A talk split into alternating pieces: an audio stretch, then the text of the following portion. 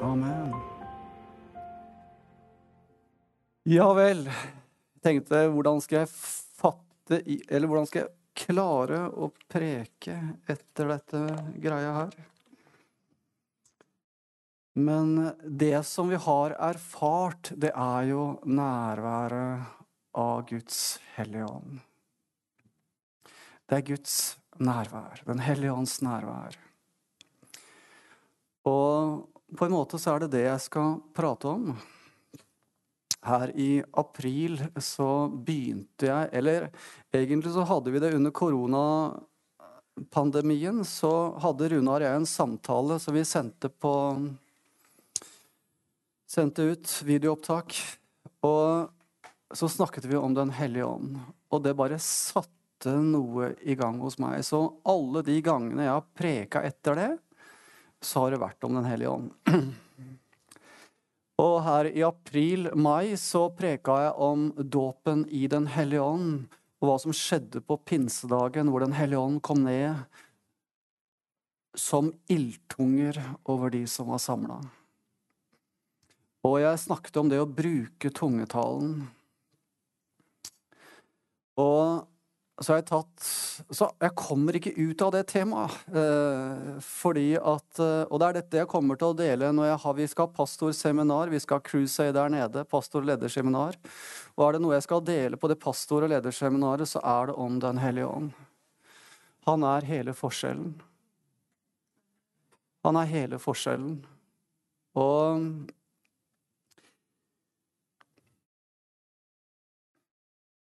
Jesus sa i Johannes 16, 7, Du kan få opp det, Bjørn Gunnar, på skjermen. Og Dette er et bibelvers som jeg har delt med dere tidligere, og dere kjenner jo dette her sånn. Men jeg sier dere sannheten, det er til gagn eller til beste for dere at jeg går bort.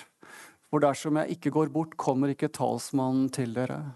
Men går jeg bort, går jeg bort, skal jeg sende ham til dere. Og før Jesus blir korsfesta, så har han den siste talen. Og du vet at det, du kan tenke deg det er det siste han gjør før han blir korsfestet. Da snakker han om Den hellige ånd. Og da skjønner vi at dette er viktige greier. Og det siste han sier før han blir tatt opp til himmelen, det er løftet om Den hellige ånd. Vent i Jerusalem til dere blir ikledd kraft fra det høye. Vent Altså, Disiplene hadde verdens beste budskap å gå ut med. Jesus er oppstanden. Han lever. Han har tatt alle våre synder. Vi kan bli nye skapninger i ham. Men så sier han likevel, vent i Jerusalem til dere blir ikledd kraft fra det høye. Og hva er det med den der kraften fra det høye? Jeg må bare si én ting til. Vi kan få opp Galaterne 3.13 også. Fordi at eh, vi må se dette her i sammenheng. Der står det Kristus kjøpte oss fri fra lovens forbannelse ved at han ble en forbannelse for oss. For det står skrevet, forbannet er hver den som henger på et tre. Og 14. Dette skjedde for at Abrahams velsignelse skulle komme til hedningene i Kristus Jesus, for at vi ved troen skulle få ånden som det var gitt løfte om. Hva er Abrahams velsignelse? Hva er arven etter Abraham? Jeg har gått og tenkt på det ganske lenge. Hva er egentlig arven? Og dere vet det at Abraham fikk rettferdiggjørelsen ved tro. Han ble erklært rettferdig av Gud ved tro. Og ved tro skulle også denne velsignelsen komme til hedningene. For det står at Gjennom deg, Abraham, skal alle nasjoner på jorden bli velsignet. Dette er velsignelsen gjennom Jesus Kristus ved at vi er blitt rettferdiggjort ved tro. Det er arven etter Abraham. Og vi måtte bli rettferdiggjort ved tro før vi kunne få Den hellige ånd, som Gud hadde gitt løfte om. Fordi at når vi blir rettferdiggjort ved tro, så blir vi nye skapninger her inne. Vi får Guds natur på innsiden i vår ånd. Det er det som er den nye fødsel. Og vi blir fullkommengjort i vårt indre menneske, i vår ånd. Og ånden kunne ikke komme før vi var blitt rettferdiggjort i tro. Fordi at ånden måtte ha en hellig, ren bolig å være i. Den hellige ånd bor i vår ånd. Så Derfor så måtte vi få Abrahams arv, velsignelsen etter Abraham, før vi kunne få ånden som det var gitt løfte om. Amen. Og så står det i Johannes 14, 26. Og der står det Men talsmannen, Den hellige ånd, som min far vil sende i mitt navn, han skal lære dere alle ting og minne dere om alt det jeg har sagt dere. Her på engelsk i King James-versjonen så står det The Comforter, altså trøsteren, hjelperen. Den hellige ånd er trøsteren og hjelperen. Den hellige ånd er ikke en som er ute etter deg for å anklage deg, for å fortelle deg på hvilke områder du kommer til kort. Den hellige ånd er trøsteren og hjelperen. Det er Den hellige ånds oppgave. Han har kommet for at du skal forstå at du er blitt rettferdiggjort i Kristus. Han har kommet for at du skal forstå at alt dreier seg om å tro på Jesus. Han har kommet for at du skal forstå at dommen ikke er at du dømmes, men at denne verdens fyrste er dømt. At djevelen er under våre føtter. At vi er overvinnere. Det er Den hellige ånds oppgave. Men hør, han er trøsteren. Han er trøsteren. La oss slå opp i andre kor, kapittel 1, og vers 3 og 4. Der står det Lovet være Gud, vår Herre Jesu Kristi Far, barmhjertighetens Far og all trøsts Gud. Gud er all trøsts Gud.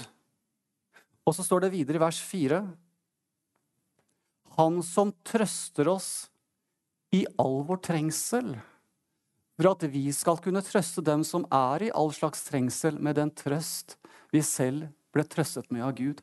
Gud er trøstens Gud. Og hvorfor sendte han Den hellige ånd?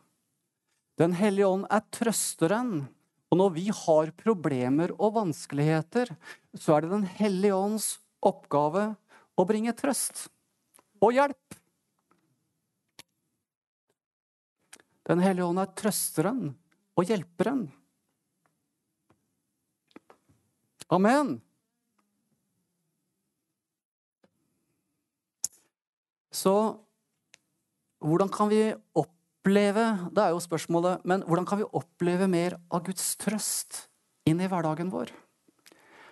Gud er all trøsts Gud. Den hellige ånd er trøsteren. Faderen er i himmelen. Gud er i himmelen. Den hellige ånd er hans nærvær her på jorden. Den hellige ånd er den som har tatt bolig i ditt indre. Så han bor her inne. Så på et eller annet vis kan du hente ut den trøsten, for den er her inne. Er dere enig? Den hellige ånd bor jo her inne, og det er han som er trøsteren. Så på et eller annet vis kan du hente ut den trøsten, for den ligger her inne. Når du er i en vanskelig situasjon, hvordan gjør du det? Hvordan henter du ut den trøsten? Og det er jo slik at vi møter alle problemer på en eller annen måte.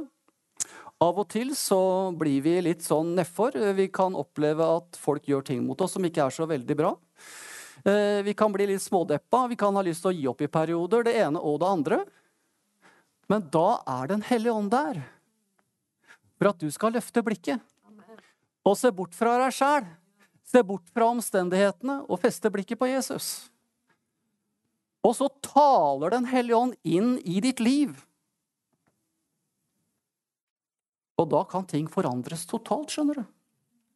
Når du har lyst til å gi opp, så kommer Den hellige ånd med et ord, et eller annet, og så gir han deg en ny giv til å stå på enda mer enn noen gang.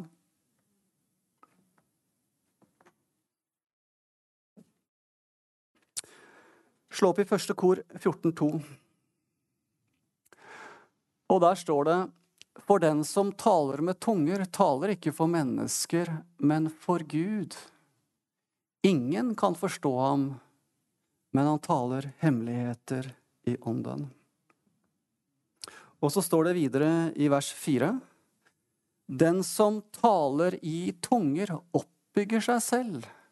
Men den som taler profetisk, oppbygger menigheten. Altså Vi har fått del i Abrahams velsignelse, som er rettferdiggjørelsen ved tro. Og når vi har tatt imot Jesus Kristus, så er vi blitt nye skapninger på innsiden. Men Jesus sa til disiplene, vent i Jerusalem til dere mottar dåpen i Den hellige ånd. Til dere blir utrustet med kraft fra det høye. Og da er det slik at gjennom dåpen i Den hellige ånd, så er det veldig mange ting som skjer. Mange opplever rett og slett at de får bli dyppet i Guds kjærlighet. Dyppet dyppet i Guds kjærlighet. Du blir døpt i Guds kjærlighet. Å bli døpt betyr egentlig bare å bli senket ned i et medium. Å bli overøst. Altså, Jesus snakket jo til og med kan dere ta den dåpen, lidelsesdåpen, som jeg skal gjennom, sa Jesus. Altså skulle han bli senket ned i smerte og lidelse ved korsfestelsen og det som skjedde forut. Og når vi på en måte blir døpt med Den hellige ånd, så senkes vi ned i et hav av Guds kjærlighet. At det er trøstens Gud som bare overøser oss med seg selv. Og det som vi ofte ser når man blir døpt i Den hellige ånd, det er jo at vi får tungetalen som et tegn. Og når vi bruker tungene våre, så oppbygger vi oss selv. Det er jo en helt fantastisk gave. Paulus sa, 'Jeg ber mer i tunger enn noen av dere'. Han brukte denne gaven så aktivt. Paulus han skrev halvparten av Det nye testamentet. Han brakte evangeliet utover nesten hele det kjente romerske imperium. Altså, Han var en mann som var fylt av Den hellige ånd og ild. Og han sa, 'Jeg ber mer i tunger enn noen av dere'. Og når vi ber i tunger, så oppbygger vi oss selv, og vi taler hemmeligheter i ånden. Amen. Slå opp i første i Judas kapittel 1 og vers 20. Der står det Men dere, kjære, oppbygg dere på deres høyhellige tro. Be i Den hellige ånd. Ja, hvordan ber du i Den hellige ånd, da? Jo, du ber i tunger. Altså, Når jeg ber i tunger, så oppbygger jeg meg selv i min høyhellige tro. Jeg forløser en kraft fra innsiden som ligger der. Og det er jo en grunn til at alle disse store gutta som har gått foran oss, Kenneth Hagen sa, jo mer jeg ber i tunger, jo mer opplever jeg at jeg flyter i Den hellige ånds gaver. Og jeg kan nevne mann etter mann som på en måte opplever det samme. Andrew Womack sier det samme. Jeg ber masse i tunger, sånn. Og jeg opplever at det er, det er, hemmeligheten til den tjenesten jeg har. I dag så når han flere milliarder faktisk på TV-sendingene sine. Jeg ber masse i tunger, sånn, sier han. Og, og, du vet at tungetalen er noe som forløser noe her inne. Du taler et himmelsk språk som forløser kraft fra himmelen, og du forløser trøstens Gud inn i ditt eget liv.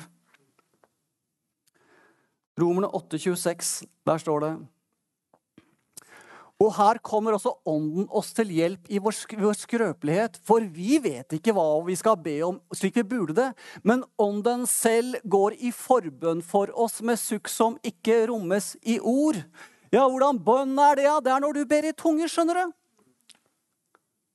Når du ber i tunger, så forløser du kraften som Gud har lagt her inne, ut i livet ditt på ulike områder. Ånden selv går i forbønn for oss med sukk som ikke rommes i ord. Vanlige ord strekker ikke til, men når du har tungetalen, så er det et himmelsk språk som bare forløser kraften fra himmelen på en måte som ikke noe annet kan gjøre det. Så står det 'Ånden kommer oss til hjelp'. Vet du hva det ordet 'hjelp' betyr? Å ta tak sammen med oss. Det er ikke slik at Den hellige ånd ber bare ber i tunger. Han kommer oss til hjelp. Det betyr at når jeg ber i tunger, da er det som Den hellige ånd kommer og drar på sammen med meg. Og det er ikke noe automatikk i det. skjønner du. Det er vi som må ta initiativet. For vi er født på ny, og vi har fått full råderett over disse tungene våre. Vi kan bruke dem når som helst. Jeg kan bruke dem nå hvis jeg vil.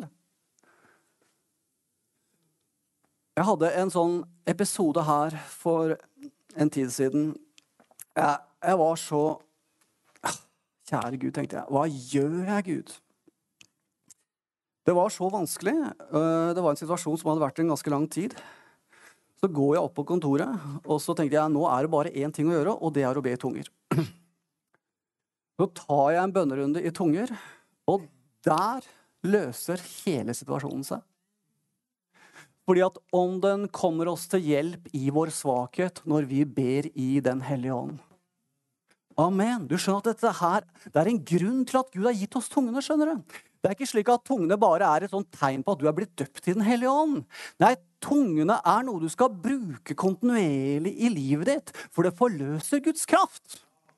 Det forløser gavene, det forløser åndens gaver i ditt liv.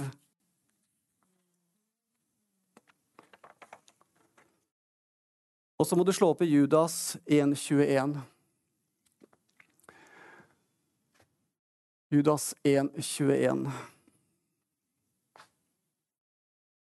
Ikke Romerne 5,5, men Judas 1,21. Der har vi det.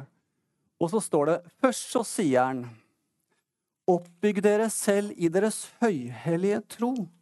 Og så står det videre Og hold dere slik, altså på denne måten, i Guds kjærlighet. Altså Han sier oppbygg dere i deres høyhellige tro ved at dere altså ber i Den hellige ånd, slik at dere Og hold dere på denne måten i Guds kjærlighet. Hvordan skal du holde deg i Guds kjærlighet? At du ber i tunger. Du holder deg i Guds kjærlighet når du ber i tunger. Du skjønner at det, når du blir døpt i Den hellige ånd, så for mange kan du jo bare oppleve at du blir dyppet i Guds kjærlighet. De bare, om, de bare oms, omsluttet av Guds kjærlighet. Jeg må bare si at når jeg sto her, altså, og, og, og, den lovsangen Jeg ble jo helt tatt. Jeg følte meg omsluttet av Guds kjærlighet. Og det var det samme Jeg var nede på HV. Jeg grein jo på hvert møte omtrent. Gud møtte meg sånn at jeg bare jeg var helt slått ut etter hvert møte. Eh, kjære Gud, nå må du nesten jeg, sa, nå, jeg orker ikke mer. Du vet at det, å bli omsluttet av Guds kjærlighet er bare helt fantastisk. Og når du ber i tunger, så holder du deg i Guds kjærlighet. Og vi trenger alle å erfare Guds kjærlighet. Det var så flott det bildet du kom med. Hva er det du heter for noe? Ann-Kristin? du vet at det, det, er som å det, Jeg tenkte, Der er du bare helt på sporet, altså. altså, det å be i tunger, vet du hva du gjør? Du åpner døra, eller du åpner porten. Skjønner du? Du åpner porten, og så går du inn, og så bare opplever du at du blir overskyllet med Guds kjærlighet. Det er nøkkelen inn, skjønner du. Det er dåpen i Den hellige ånd med tungetalen som åpner veien inn. Amen. Så kan vi slå opp i Romerne 5.5. Og der står det Og håpet gjør ikke til skamme, for Guds kjærlighet er utøst i vårt hjerte i Den hellige ånd. Amen.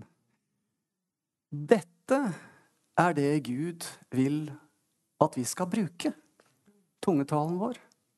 For det er en vei til forløsning på ulike områder i våre liv. Du vet at Når du går og ber i tunger, så får du visdom. Du Du får visdom fra Gud til ulike situasjoner. Du bare ber i tunger, og så plutselig Ja, sånn kan jeg gjøre det. Ja, nettopp sånn! Det var en god måte å gjøre det på. Amen.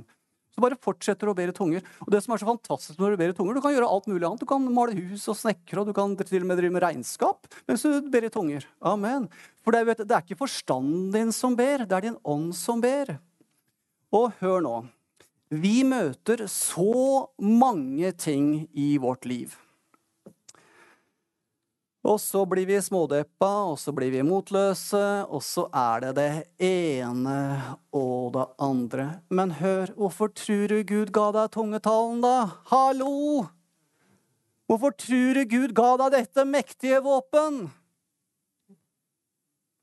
All trøsts Gud. Han er trøstens ånd. Og når vi ber i tunger, så forteller han deg ja, men dette, det er ikke så ille, skjønner du. Det kommer til å gå ganske bra likevel. Og så kommer han med budskap. Du skjønner det at Jeg må si det at eh, for det er herlig med Den hellige ånd. Eh, vi hadde besøk av Jonny Folander. Det er nesten 20 år siden. Og så skulle vi skrive dagbok fra Gud. Og jeg skrev, skrev dagbok. Og du vet at det, det ble ikke bare én side, det ble to sider òg, tenkte jeg. Det var voldsomt, og det strømma på, tenkte jeg. Og så tenkte jeg, når Jonny Foglander reiste, så tenkte jeg ja, men dette kan jeg jo fortsette med. Så begynte jeg å skrive dagbok fra Gud. Jeg kjente at Gud ga meg ting, og så tenkte jeg ja, men Det er rart, tenkte jeg, at uh, hvis jeg kan skrive dagbok fra Gud, og han taler inn i mitt liv, kanskje jeg kan få noe til Mona òg, da, tenkte jeg. Og så spurte jeg Mona, Gud har du noe til Mona, spurte jeg. og så skrev jeg henne tre ting. Og så kom jeg hjem, og så sier jeg til Mona at uh, du, jeg fikk noe fra Gud til deg, jeg. og hva da? spurte hun. Og så bare nevner jeg punkt én, punkt to, punkt tre, og så sier Mona akkurat de tre tingene har jeg spurt Gud om i dag, sa hun. og da skjønte jeg at her var det noe mer på gang, og så begynte jeg å skrive budskap til mange flere også. Men det er slik at da ble jo kan du si, den gaven forløst i mitt liv. Men du vet at det, jeg, jeg, i perioder så har jeg gjort det, og perioder så har jeg ikke gjort det. Men jeg må jo si det at det, nå skriver jeg dagbok fra Gud igjen. og det kan vi alle sammen gjøre. Det var så herlig fordi at jeg prata med Loss, vet du, fordi at vi har snakka om det i mannsgruppa vår, det å, å be i tunger. Og, og, Mario hadde jo snakka med, med Loss, da, så hun hadde bedt i tunger på veien. Jeg vet ikke om det var, Hun hadde i hvert fall begynt nå liksom, å bedt i tunger på veien til jobben. Og så sier hun hun var på, på, på undervisningen her på torsdagen med Jan Helge om nådegavene. Bare kom på den, folkens. Og så, så sier hun som et vitnesbyrd Ja, så ba jeg tunger på jobben, sier hun. Og mens jeg ba, så fikk jeg et budskap. Gud sa at han var med meg. Så kjente jeg det var ikke fra meg selv, sa hun. ja, men det er sånn det begynner, sa jeg. og, så, og så kommer Mario bort, og så sier han Jeg prøvde å be tunger, jeg også, sa han. Men du skjønner at eh, etter en kort stund så bare merka jeg at det begynte å vibrere langs siden på hjulet. Og da, du skjønner at Han hadde klarte ikke å be tunger samtidig som han hadde øynene åpne, så han måtte lukke øynene når han ba.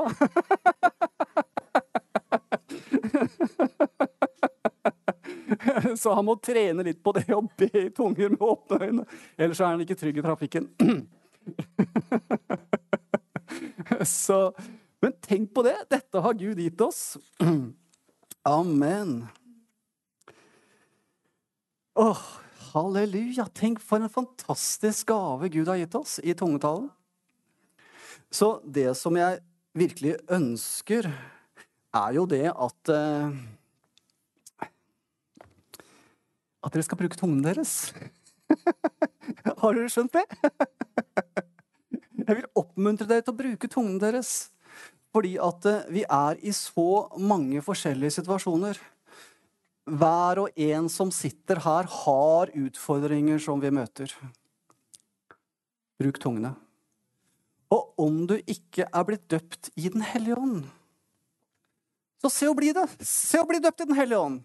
Og det er jo ikke noe Gud lengter etter det, etter å bare døpe deg i Den hellige ånd, vet du, og la salvelsen og kraften flyte gjennom ditt liv. Altså, han, han lengter jo mye mer etter å gjøre det med ditt liv enn du lengter etter å få det. Og det tar vi i tro, på samme måte som vi tok frelsen. Så må jeg si litt om dette her med å be i tunger på møtene. Ja, det er ikke så enkelt det der sånn, vet du, sier noen. fordi at uh, det står jo veldig mye i kapittel 14 i første Korinterbrev at uh, Paulus sier jo det. Det står i kapittel 14, ja, i Korinterbrevet, og der står det i vers 19, ja. Kan få opp det også, Bjørn Gunnar. Og der skriver Paulus at eh, 'jeg takker Gud, for jeg taler mer med tunger enn noen av dere'. Og så står det i neste, neste vers 'Men i en menighetssamling vil jeg heller tale fem ord med min forstand', så jeg ved det kan lære andre enn 10 000 ord med tunger. Ja, du skjønner at i en menighetssamling så skal du ikke tale i tunger. Det er kun til personlig bruk, er det da noen som sier. Se hva Paulus skrev i 1. Korinterbrev kapittel 14. Ja vel. Kan ta vers 20 òg. Første 14, 20, ja.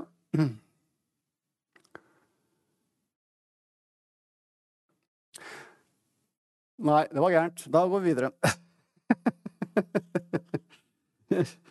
Men jeg kan bare lese det. Søsken, vær ikke barn i forstand, men vær småbarn i ondskap. I forstand skal dere være modne. Men hør nå.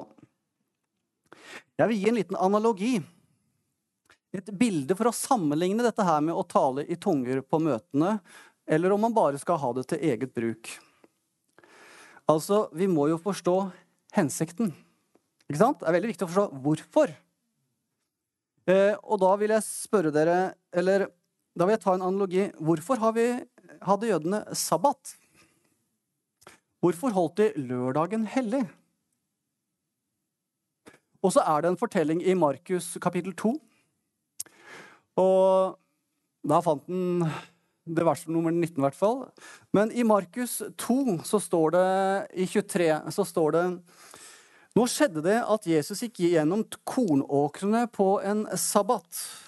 Og mens de gikk der, begynte disiplene hans å plukke aks av kornene. Og så kommer disse fariseerne, som bare var ute etter å finne feil hos Jesus. Og så kommer de. Se! Disiplene plukker aks og spiser de, de, de, høster på sabbaten. Det er ikke lov! Det er ikke lov, sier fariseerne. Og så svarer Jesus at i vers 27. Og han sa til dem, sabbaten ble til for menneskets skyld, og ikke mennesket for sabbatens skyld. Det er Markus 2, 23 og 27. Markus 2 og 23 og 27. Og hør nå. Hva var hensikten med sabbaten? Hensikten med sabbaten var at man skulle bruke tid med Herren. Og en dag med, med hvile. Det var hensikten med sabbaten. Det var det som var i Guds hjerte, at man skulle komme, bruke tid for å komme nær Han. Men så skriver Paulus eh, noe i Romerne kapittel 14 og vers 5. Den ene setter én dag høyere enn en annen dag. Den andre holder alle dager for å være like. Enhver må bare være fullt viss i sitt eget sinn. Altså, noen holder jo sabbaten hellig på lørdagen. Andre holder søndagen hellig. Mens noen syns at alle dager er hellige. Jeg er den som syns at alle dager er hellige. Jeg Jeg bruker jo tid, masse tid hver dag med himmelens Gud. jeg. Amen. Og så var det en frikirkepastor som ble spurt kan du arbeide på søndagen. Og så sier han der frikirkepastoren at eh, ja, en kan vel kanskje ikke arbeide, men man kan pusle litt.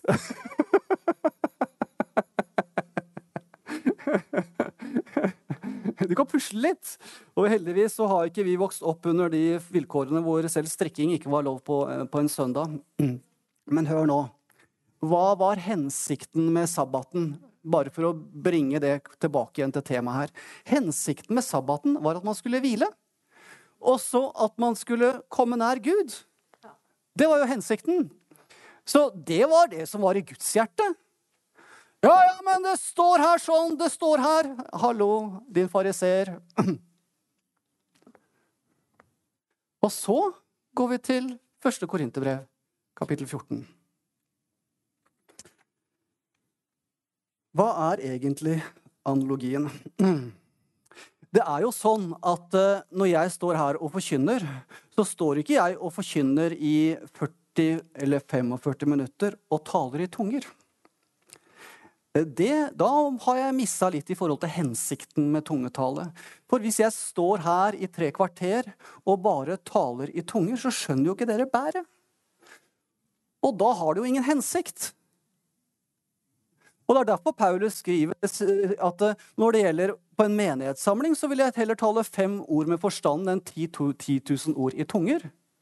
Det var hensikten.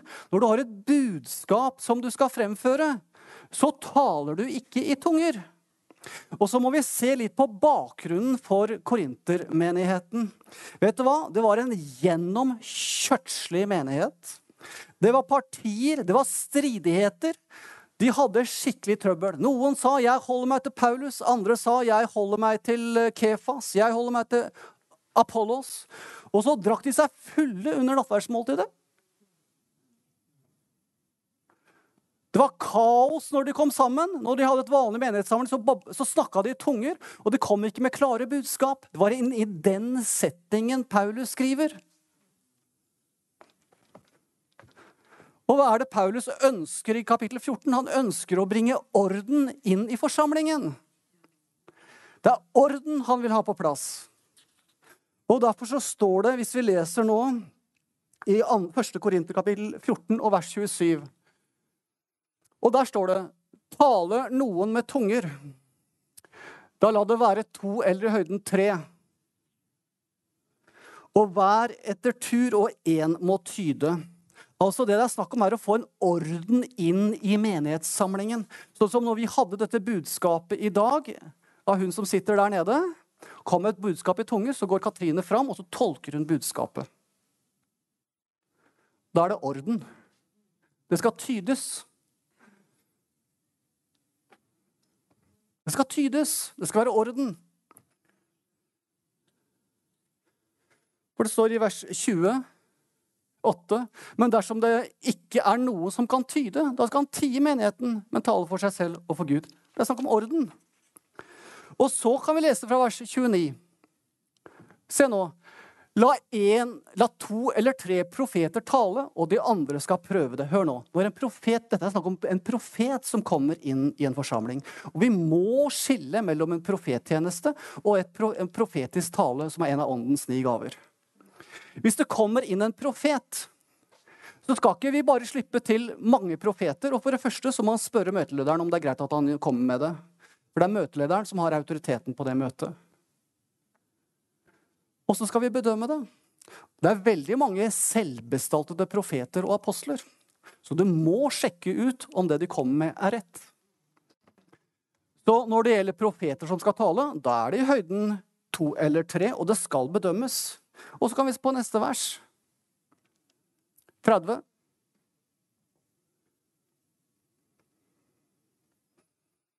Der står det men om noe blir åpenbart for en annen som sitter der, da skal den første være stille. For dere kan alle tale profetisk én etter én, slik at alle kan lære og alle blir formant. Altså, så Han først, snakker først om profeter som kan komme et profetisk budskap. Og dere må være klar over at når en profet kommer fram et budskap, så kan det være korrigerende, det kan være retningsgivende for enkeltmennesker og for hele menigheten. Og da må det bedømmes.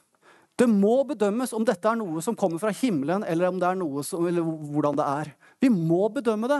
Og så står det videre Én ting er at profeter kan komme og tale, men så sier han dere kan alle tale profetisk. Og her har du en av åndens ni gaver i funksjon. Og da er det ikke snakk om to eller tre, bare. Da kan det komme masse budskap etter hverandre. Og de er til oppbyggelse, oppmuntring og trøst. Så hva er det jeg vil fram med dette her sånn? Jo, Guds ord har en hensikt. Vi kan ikke bare ta et ord uten å sette det inn i en setting. Da kan du slå opp i Bibelen på måfå og si at 'Gud, vis meg hva jeg skal gjøre'. Og så slår du opp på måfå, og så står det 'Johannes gikk og hengte seg'. Gjør du like så, liksom? Ikke sant? Altså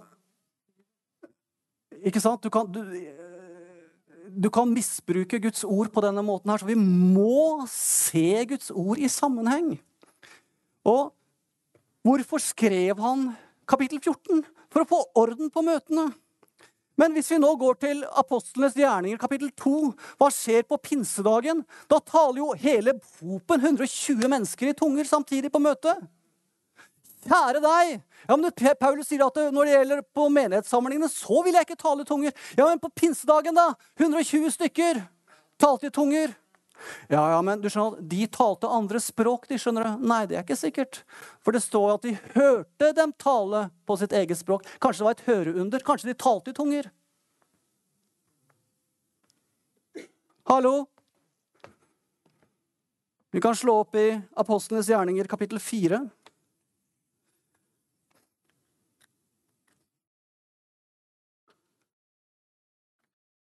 Og da hadde disiplene blitt bura inne. De hadde, de hadde helbreda en mann, og så ble de slått. Ble mishandla. Og så kom de sammen. Og følte at de var bare priste Herren, for de var funnet verdig til å lide for Jesus. Og så kommer de sammen og deler storyen med de andre disiplene. Og så står det da de hørte dette, løftet de samstemmig sin røst til Gud og sa, Herre, du som har gjort himmelen og jorden og havet og alt som er i dem. Altså, Hvordan tror du at de gjorde dette samstemmig?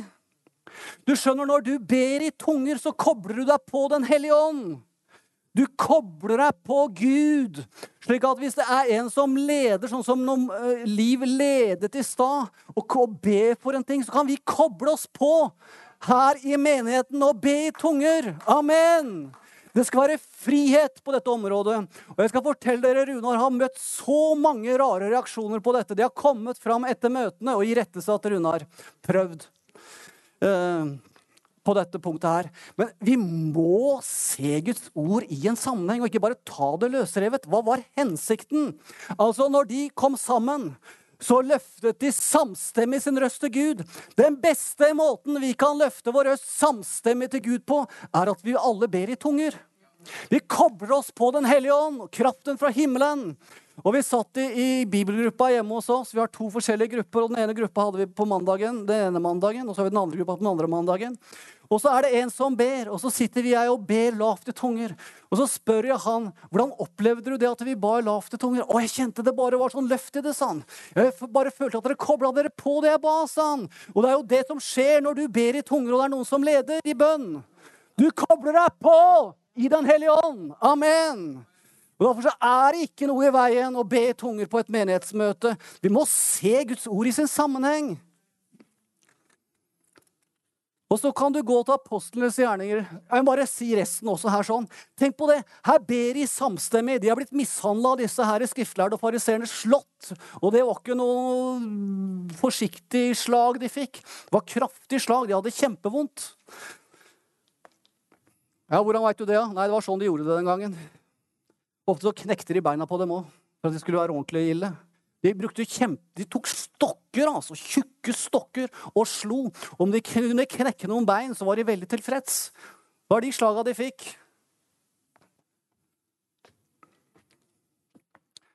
Så kan vi gå til eh, og se hva skjer videre. Tenk på det. Her løfter de samstemmig sin røst mot himmelens Gud. Og så står det videre i vers 29. Kan, hvis du får fram det, Bjørn Gunnar? Og nå så ber jeg, vet du, og nå er det en som leder i bønn. Og nå, Herre, hold øye med deres trusler, og dine, gi dine tjener og tale ditt ord med all frimodighet. Og så hva er det som skjer? I vers 30. Idet du rekker ut din hånd, så helbredelser og tegn og under skjer ved din hellige tjener i Jesu navn. Og så kommer det, vet du, i vers 31. Og da de hadde bedt, skal stedet der de var samlet, og de ble alle fylt med Den hellige ånd. Og de talte Guds ord med all frimodighet. Du skjønner det at når du ber i tunger, så kommer det en ny fylde av Den hellige ånd over ditt liv. Amen! Og når vi kan stå sammen som menighet, så forløser vi denne kraften samlet. Kan du gå til Apostlenes gjerning, kapittel 10? Og dette er fortellingen om Kornelius. Nå tar jeg noen eksempler bare for å Jeg vil bare spikre det fast, altså. Hør her. Kornelius, han hadde søkt Gud, var i bønn og faste. Og så sier Den hellige ånd til han, gå og få tak i nei, det, var, altså, det var en engel var det vel, som kom til han. Gå og få tak i Peter. Og han skal forkynne Guds ord til dere. Og mens Peter forkynner ordet for Kornelius, da var det ikke bare Kornelius. Han hadde bedt inn hele familien og masse venner og bekjente og tjenere. ikke sant? Det var ikke bare en liten forsamling. Og hva er det som skjer når Peter taler ordet? Mens Peter ennå talte disse ord, falt Den hellige ånd på alle de som hørte ordet. Amen. Og hva skjedde da? Og alle de troende som tilhørte de omskårne, og som var kommet med Peter, ble forferdet over at Den hellige ånds gave var blitt utgitt over hedningene. Og vers 46. For de hørte dem tale med tunger og lovprise Gud. Amen! Altså, Det var midt i menighetssamlingen hvor de priste Gud og talte i tunger. Altså, Hva er hensikten? Og ikke være en fariseer som sier 'Jeg er ikke lov å spise på sabbaten'. Hallo! Hvem, hvorfor ble sabbaten til? For sabbaten ble til for menneskers skyld, og mennesket ble ikke til for sabbatens skyld. Vi må se hensikten. Og her har Gud gitt oss tungetalen som et kraftig våpen inn i vår egen hverdag. Og når vi føler oss nedslutt, nedslått, øh, lyst til å gi opp, motløse, da bare kobler vi oss på Den hellige ånd, og så tar vi en runde og ber i tunger. Og så bare drar vi fra himmelens Gud. Og så kan vi bare kjenne at Gud taler og åpenbarer og tolker det vi ber. Amen. Hvorfor skulle vi ikke bruke denne gaven? Amen. Hvorfor skulle vi ikke bruke denne gaven som er så kraftfull i våre liv, og som forløser ting, forløser gavene, forløser og på en måte setter oss fri på område etter område? Det var en grunn til at Paulus skrev halvparten av Nytestamentet. Det var en grunn til at han hadde kraft over sitt liv til å bringe evangeliet utover nesten hele Romerriket. Han talte i tunger mer enn alle de andre. Amen. Og der har vi bare noe å strekke oss etter. Og jeg bare vil oppmuntre dere så mye jeg bare kan. Bruk tungene deres. Kom inn i dette livet, det tungetalende livet. Hele Nytestamentet ble skrevet av tungetalende disipler. Amen. Amen. Og vi skal være med. Amen! Halleluja. Amen. Da priser vi Herren.